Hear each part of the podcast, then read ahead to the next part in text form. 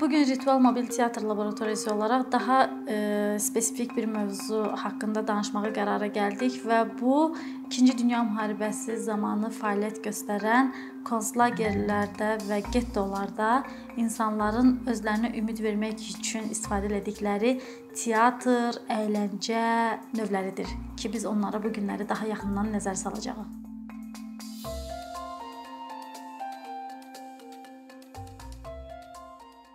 Teatr deyərkən bizim ağlımıza geniş, işıqlı, gözəl aurası olan, insanların incəsənət üçün, əyləncə üçün, maraq üçün, öyrənmək üçün yığıldıqları bir məkan adla gəlir və bu məkanın ortasında biz böyük bir səhnəni təsəvvürümüzdə canlandırırıq. Hörmətli tamaşaçılar, telefonlarınızı səssiz qoyun. İndi isə gəlin səhnədə baş verənləri izləyək. Və mən istəyərdim ki, biz biraz tarixə səyahət eləyək. 2-ci Dünya müharibəsinin ölümlə çarpışan teatral səhnəsindəki hadisələr fonunda insanlar necə əylənirdilər, vaxtlarını necə keçirirdilər? Səyahətimiz əsasən Buchenwald, Dachau, Auschwitz konslagerlərində və Çexiya ərazisində yerləşən Terezin şəhərinin şəhərində mövcud olan Terezin gettosunda baş tutacaq. Biz konslager sözünü e, açmağa çalışsaq görərik ki, bu siyasi məqsədlərlə həbs olunmuş və yaxud e, qadağan olunmuş e, azlıqlar, azlıq nümayəndələrinin ətraf mühitdən təcrid olunaraq məcburi əməklə cəzalandırılmaq və yaxud ölümlərini gözlətmək üçün müvəqqəti olaraq saxlanıldıqları bir məkandır. Getto sözünün tarixi isə daha əvvələ gedir, çıxır və bu 16-cı ildə Venesiyada yəhudilər üçün izolyasiya olunmuş bir ərazi mənasına gəlir. Və bu söz e, italyan mənşəli və bir növ tökmə, əritmə mənasını verən sözdən yaranmasına baxmayaraq tarixən artıq 3-cü reyxində fəaliyyəti dövründə sırf yəhudilərin təcrid olunaraq izolyasiya alındığı böyük bir şəhərdə kiçik bir ərazi mənasını daşımağa başlamışdı. Və bundan sonra əgər biz hardasa getto sözünü e, eşitsək görürük ki, getto ümumiyyətlə imkanları məhdudlaşdırılan əhalinin, azlıqların, e, qaraça adlandırılan, stigma olunan e, roman əhalinin məhdudlaşdırıldığı kiçik bir ərazilər anlamını daşıyır. Nasizm konslagerlərindəki ağır işgəncələri, cəzaları, e, ölüm hökmünü və insanların krematoriyalarda yandırıldığına nəzər salmadan mən istəyərdim ki, birbaşa keçək orada hansı əyləncə növləri meydana gəlmişdi və insanlar bundan necə motivasiya olunurdular. Və bunun üçün biz ilk səyahətimizi başlayırıq Dahau düşərgəsindən. İlk səfər edəcəyimiz düşərgə Dahau düşərgəsidir. Bu düşərgə Münhen əyalətinin 16 kilometrlik şimal-qərbində yerləşirdi və 3-cü Reyxin e, əmri ilə istifadə olunmayan bu ağır texnika zavodu 1933-cü ilin 22 martında ilk e, həbs düşərgəsi kimi fəaliyyətə başladı və bu həbs düşərgəsinə gətirilən məhbusların əksəriyyəti nasist Almaniyasının siyasətinə qarşı gələn sosial demokratlar, yerli almanlar, Viyanalılar, e, roman əhali, daha sonra Yahova şahidləri, homoseksuallar və digər qadağan olmuş qruplara daxil olan e, əhali idi. Və daha düşərgəsində proses necə baş verirdi? Teatr necə olurdu? Daha düşərgəsin düşərgəsində nəzarət çox güclü idi. Çünki bildiyimiz kimi və qeyd etdiyimiz kimi gətirilən məhbusların əksəriyyətinin siyasi fəaliyyəti var idi həbs olunmamışdan əvvəl və onlar öz etirazları ilə Adolf Hitlerin siyasətinə qarşı gəlirdilər. Buna görə də e, düşərgə ərazisində təmin olunan nəzarət əsasında məhbuslar artıq heç bir e, toplaşma və yaxud danışma fəaliyyəti həyata keçirə bilmirdilər. Yalnız həftə sonları adətən saat axşamüstü saat 4-ə yaxın düşərgədə bir növ sakitlik hökm sürürdü və SS-in nəzarətçi e, gücləri bir növ istirahətə çəkilirdi və bu da məhbuslar üçün öz baraklarında toplama imkanı yaradırdı. Və baraklarda fəaliyyət əsasən kabarelər üzərində e, formalaşırdı. Kabarelərdən başqa həmin bu məhbuslar hansılar ki, e, maarifçi idilər, e, təhsil almış şəxslər idi. Onlar üçün qiraət e, imkanı yaradılırdı və onlar düşərgə ərazisində qəzetlərdən istifadə edə bilirdilər və məlum olduğu kimi bu qəzetlər nasist Almaniyasının təbliğat xarakterli qəzetləri idi. Baraklarda toplanan məhbuslar adətən bir-birlərinə şeirlər oxuyurdular, siyasi motivli mövzularda kabarelər hazırlayırdılar və kabarelerin tarixinə gəlsək, biz baxarıq ki, kabarelər daha ə, e, əvvəllərə doğru gedir. Fransada çox aktiv olub, Amerikada daha çox aktiv olub və bunlar kiçik ə, e, belə deyək, bunlar kiçik kafelərdə ə, e, balaca bir səhnədə daxilində, içərisində e, həm e, poeziyası, həm motivləri, həm səhnələşdirilmiş versiyası olan musiqi üzərində qurulan musical tipli tamaşalar idi.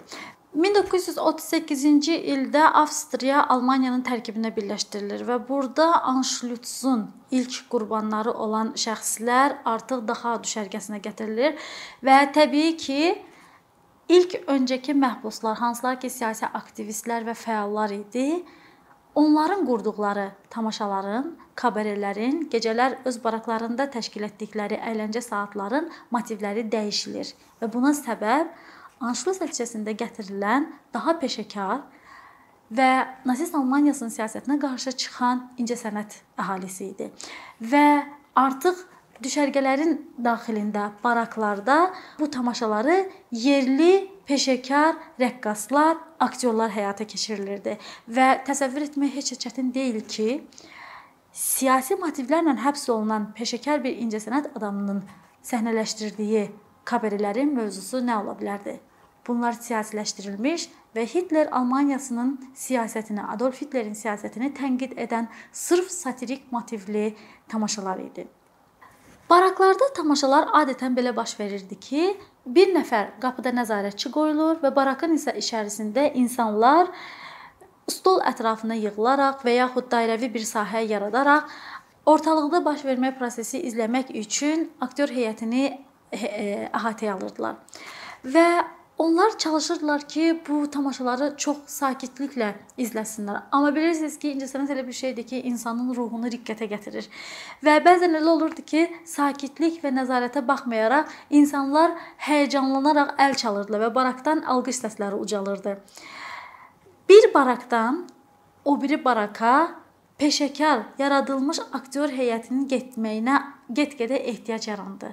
Və beləliklə eyni gündə, eyni saatda barakların birində tamaşa göstərən aktyor heyəti, yəni formalaşdırılmış kiçik aktyor məhbus heyəti tamaşasını bitirdikdən sonra sakitcə pəncərədən və yaxud gözdən yayınaraq qaça-qaça digər baraka gedərdi və növbəti e, sənəti orada davam etdirərdi. Yayımı orada davam etdirərdi.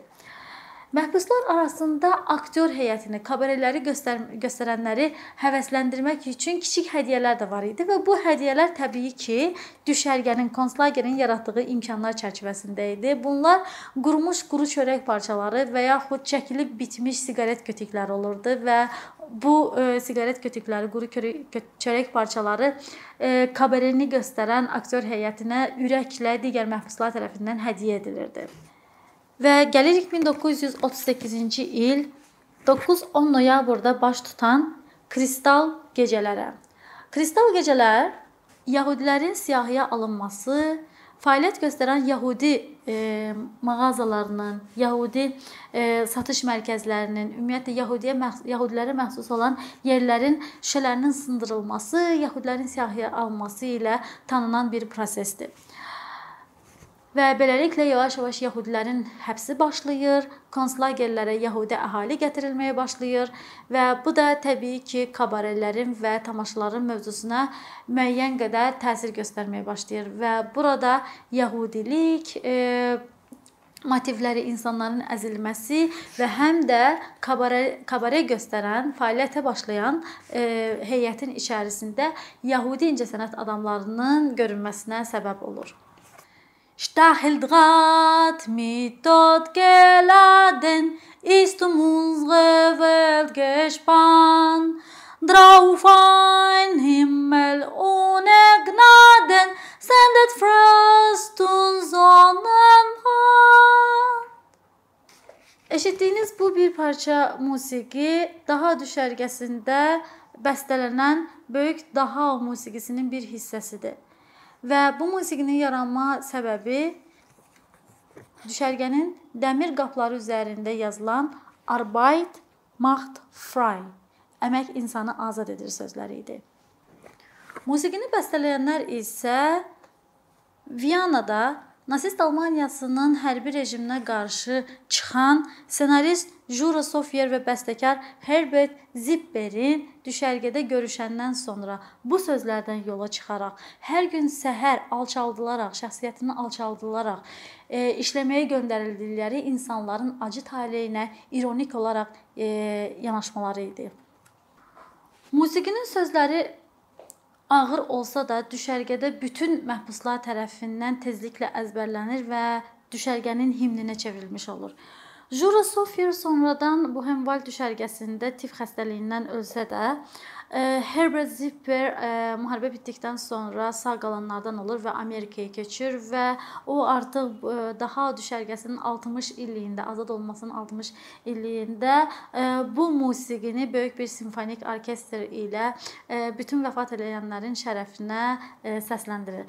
Musiqinin Azərbaycanca sözlərinin Azərbaycanca tərcüməsinə nəzər salsaq, orada belə bir mənanın olduğunu görəcəyik. Ölümlə yüklənmiş tikanlı məftillər dünyamıza çəkilir. Mərhəmətsiz bir səmanın üstünə şaxta və günəş alov göndərir. Bütün sevinclər bizdən uzaqdadır. Vətənimizdən, qadınlarımızdan uzaqda, bizlərdən minlərləsi sübh ertədən işə gedəndə. Amma biz daha onun çarəsini tapdıq və o bizi polad kimi sərtləşdirdi. İnsan ol yoldaş, insan kimi qal. Bu musiqinin e, sözləri insanı həbs düşərgəsinin çətinlikləri qarşısında şəxsiyyətinin alçalmamasına e, qarşı dözümlü olmağa səsləyirdi. Buchenwald konslagerində isə vəziyyət daha fərqli idi. Çünki buradakı nəzarətçi SS zabiti e, içkiyə meylli və sərxoş həyat sürən biri idi və o tez-tez öz ağlına gələnləri edirdi məhbusları bir araya toplayır, ya onlardan əyləncə vasitəsi kimi istifadə eləyirdi və yaxud kütləvi şəkildə onların e, ağır işlərdə işlədilməsinə əmrlər verirdi. Bir dəfə o Berlinin böyük musiqi mərkəzlərindən birində tədbir təşkilatçısı işləyən bir məhbusun, bir şəxsin məhbuslar arasında olduğundan xəbər tutur və həmin şəxsi çağıraraq ona 15 nəfərdən ibarət bir truppa yaratmasını e, əmr edir və bu truppa SS təbliğatı üçün istifadə ediləcək və bildiyimiz kimi filmlərdən, tarixi hadisələrdən bildiyimiz kimi düşərgələrin, konslagerlərin içərisində musiqili heyətlər olurdu ki, bunların əsasını məhbuslar təşkil eləyirdi və ona bu növdə bir truppa yaradılmasını əmr edilir. Və Həmin məhbus ciddi cəhdlə işlərə girişir. E, məhbusların içərisindən azca da olsa fəaliyyəti olan səhnədə özünü göstərə biləcək şəxsləri toplayır və bundan sonra Buchenwald ərazisində e, tikilən teatrın tikilişdən sonrakı tamaşalarının hazırlanmasına həmin heyət cəlb olunur. Teatr hazır olur Buchenwald ərazisində. Teatr yarım aypara şəklində idi və tamaşalar baş verərkən məhbuslar öz nəfəslərini içlərinə çəkib otururdular. İlk öncəki cərgələrdə SS e, zabitləri otursalar, arxada məhbuslar olsalar belə komedik hissələrə məhbusların elə bir reaksiyası olmurdu və məhbuslar bunu sanki illər boyu keçən ağır bir zaman kimi e, görürdülər və bitməsini arzu edirdilər. Amma geriyə baxanda onların baraklarında çox əyləncəli bir ab-hava hökm sürürdü. Və əl ilə çəkilmiş bu rəsmdən biz baraklarda həmin o yaradıcı ab-havanın, kabarelerin, musiqilərin, şeirlərin necə baş verdiyini təxmini necə baş verdiyini təxmini təsvirini yarada bilərik. Digər bir şəkildə isə biz e, Auschwitz e, konslagerindəki teatr heyətinin e, səhnəyə çıxmasından əvvəl səhnənin necə qurulduğunu və orada musiqi alətlərinin yerləşdirildiyi bir e, təsvirin şahidi oluruq. Yəni bu heç də onu göstərmir ki, orada sadəcə insan qışqırıqları var idi. Təbii ki, təbliğat aparmaq üçün və hər hansı bir ideyanı təbliğ etmək üçün incəsənət e, bəzən şərin özünə belə xidmət eləyirdi. İndi isə qısa bir səfər edək Çexiya ərazisində yerləşən Terezin şəhərində tarixi abidə kimi qorunan e, Terezin gettosuna. 1740-cı illərdə Terezinştat adı ilə tanınan bu şəhər əslində bir qarnizon şəhəri idi. Amma 2-ci Dünya müharibəsində 53 minə qədər yəhudinin təcrid olunaraq e, göndərildiyi getto şəhəri kimi fəaliyyətə göstərməyə başladı. Biz şəhərin hansı imkanlardan məhdud olduğuna nəzər salmayacağıq. Amma çox maraqlıdır ki, hal-hazırda da tarixi abidə kimi e, fəaliyyət göstərən bu şəhər ərazisində indiyə qədər Gogolun e, evlənmə e, tamaşası o vaxtı səhnələşdirilmişdi və həmin səhnə olduğu kimi saxlanılır. Gedənlər ora səyahət edərkən bu səhnəni görə bilərlər. Bu isə həmin səhnədən olan əllə çəkilmiş bir təsvirdir və getto şəhəri konslagerlərdən fərqli olaraq incəsənət üçün daha geniş imkanlara e, malik idi. Çünki bu şəhərdəki fəaliyyətlərdən nasist Almaniyası özünün təbliğat metodları kimi və yəhudilərə qarşı e, heç də mənfi münasibətlərinin olmadığını göstərmək üçün istifadə edirdilər. Getto ərazisində müxtəlif fəaliyyətlər həyata keçirilirdi. Burada yəhudi icmaları yaradılmışdı. Yəhudi e, incəsənət mərkəzləri kiçik e, klublar kimi fəaliyyət göstərirdi və bunlardan biri də real günümüzə qədər videosu da gəlib çatan və SS təbliğatı əsasında lentə alınan kadrları olduğu kimi duran Burindibar uşaq operası Çex yəhudi bəstəkar Hans Krasa tərəfindən Adolf Hofmeisterin librettosu əsasında bəstələnir və uşaq operasının iştirakçıları sonradan Auschwitz-in kiçik qurbanlarına çevrilirlər. Auschwitz-də krematoriyada yandırılaraq həlak olurlar. Onlardan çox az e, hissə e, çox az sayda şəxs e, müharibənin sağ qalan müharibədə sağ qalanlardan olurlar. Burindibar operasının e, əsas motivləri bundan ibarətdir ki, e, iki kiçik uşaq, bacı və qardaş həkimin məsləhəti nəticəsində xəstə olan analarına e, süd tapmağa e, süd tapmalıdılar və həmin süd ananı sağaldacaq. Amma uşaqlar o qədər kasıbdılar ki, həmin südü almağa pulları olmur və onlar küçədə qoca və zalım bir şarmankaçı ilə rastlaşırlar. Amma Onlar şarmankaçının musiqi ifa edərək insanlardan pul yığdığını gördükdə qərara gəlirlər ki, özləri də küçədə oxusunlar. Bu şarmankaçının heç də xoşuna gəlmir və şarmankaçı onları küçədən qovur. Uşaqların qovulduğunu görən insanlar və heyvanlar operada artıq şarmankaçının üzərinə gəlirlər və birləşərək onu qovurlar.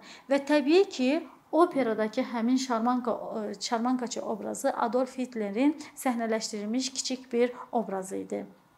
Və gəlin elə buradaca mövzumuzu Burindibarın bu günümüzə qədər gələn real kadrları ilə bitirək.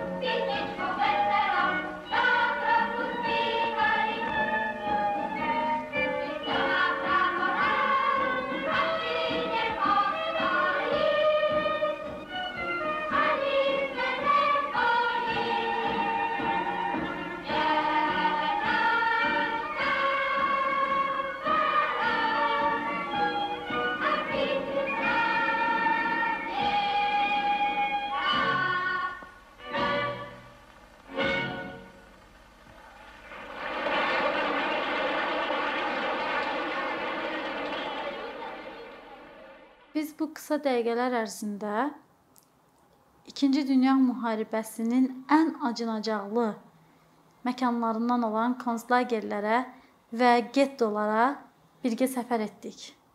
Və əyani də olsa nəticələri burada görürük.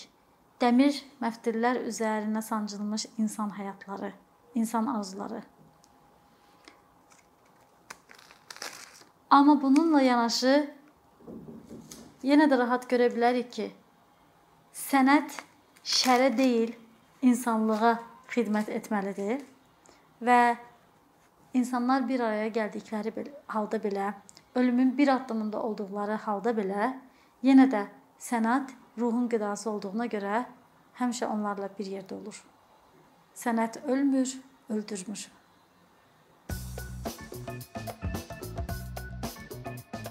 Bir neçə ildir ki, əkinçi olaraq Azərbaycanlı izləyicilərin hər zaman faydalana biləcəyi keyfiyyətli və ən əsas ödənişsiz kontent hazırlamağa çalışırıq. İndiyədək təqdim etdiyimiz onlarla animasiya və yüzlərlə çəkilişlər tələbələrin, mütəxəssislərin, müəllimlərin və ümumiyyətlə yeni mövzulardan xəbərdar olmaq istəyən çox sayda insanın marağına səbəb olub. Bu illər ərzində hazırladığımız videolar təhsil, texnologiya, ictimai fəallıq, iqtisadiyyat, gender bərabərliyi, ətraf mühit, ifadə azadlığı, hüquq, demokratik inkişaf, mədəniyyət və digər mövzuları əhatə edib. Məqsədimiz çoxlu baxış gətirən deyil, çoxlu fayda gətirən videolar hazırlamaqdır. Amma bu düşündüyümüz qədər asan deyilmiş. Gördüyümüz iş kifayət qədər resurs, əmək və təbii ki, davamlılıq tələb edir. Bu səbəbdən Patreon platformasından istifadəyə başladıq. Əkinçinin Patreon hesabının populyarlaşmasına çox böyük ümidlərimiz və gözləntilərimiz var.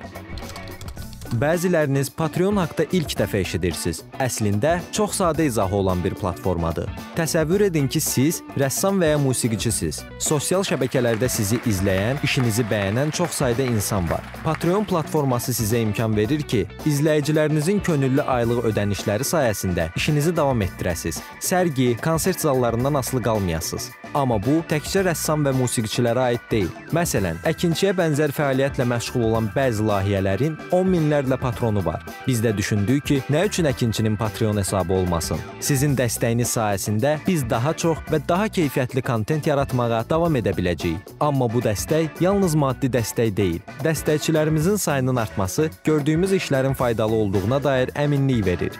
Patreon platformasından istifadə çox sadədir. Hesabınızı açırsınız, sizə uyğun dəstək növünü seçirsiniz və Patreon özü hər ayın ilk günü kartınızdan seçdiyiniz dəstək növünə uyğun ödəniş tutur. Bu qədər. Sonda onu demək istəyirik ki, dəstəkçilərin sırasına qoşulmaq istəyən, amma məhdud imkana görə bunu edə bilməyənlər narahat olmasın. Daha öncə dediyimiz kimi, bizim əsas məqsədimiz daha çox insanın hər zaman faydalana biləcəyi keyfiyyətli və ödənişsiz kontentin yaradılmasıdır. Bunun üçün mütləq patronumuz olmalısınız deyə məcburiyyət yoxdur. Amma imkanınız patron olmağa çatırsa və bizim işimizi bəyənirsinizsə, patronlarımızın sırasına qoşulmağınız bizim üçün çox önəmlidir.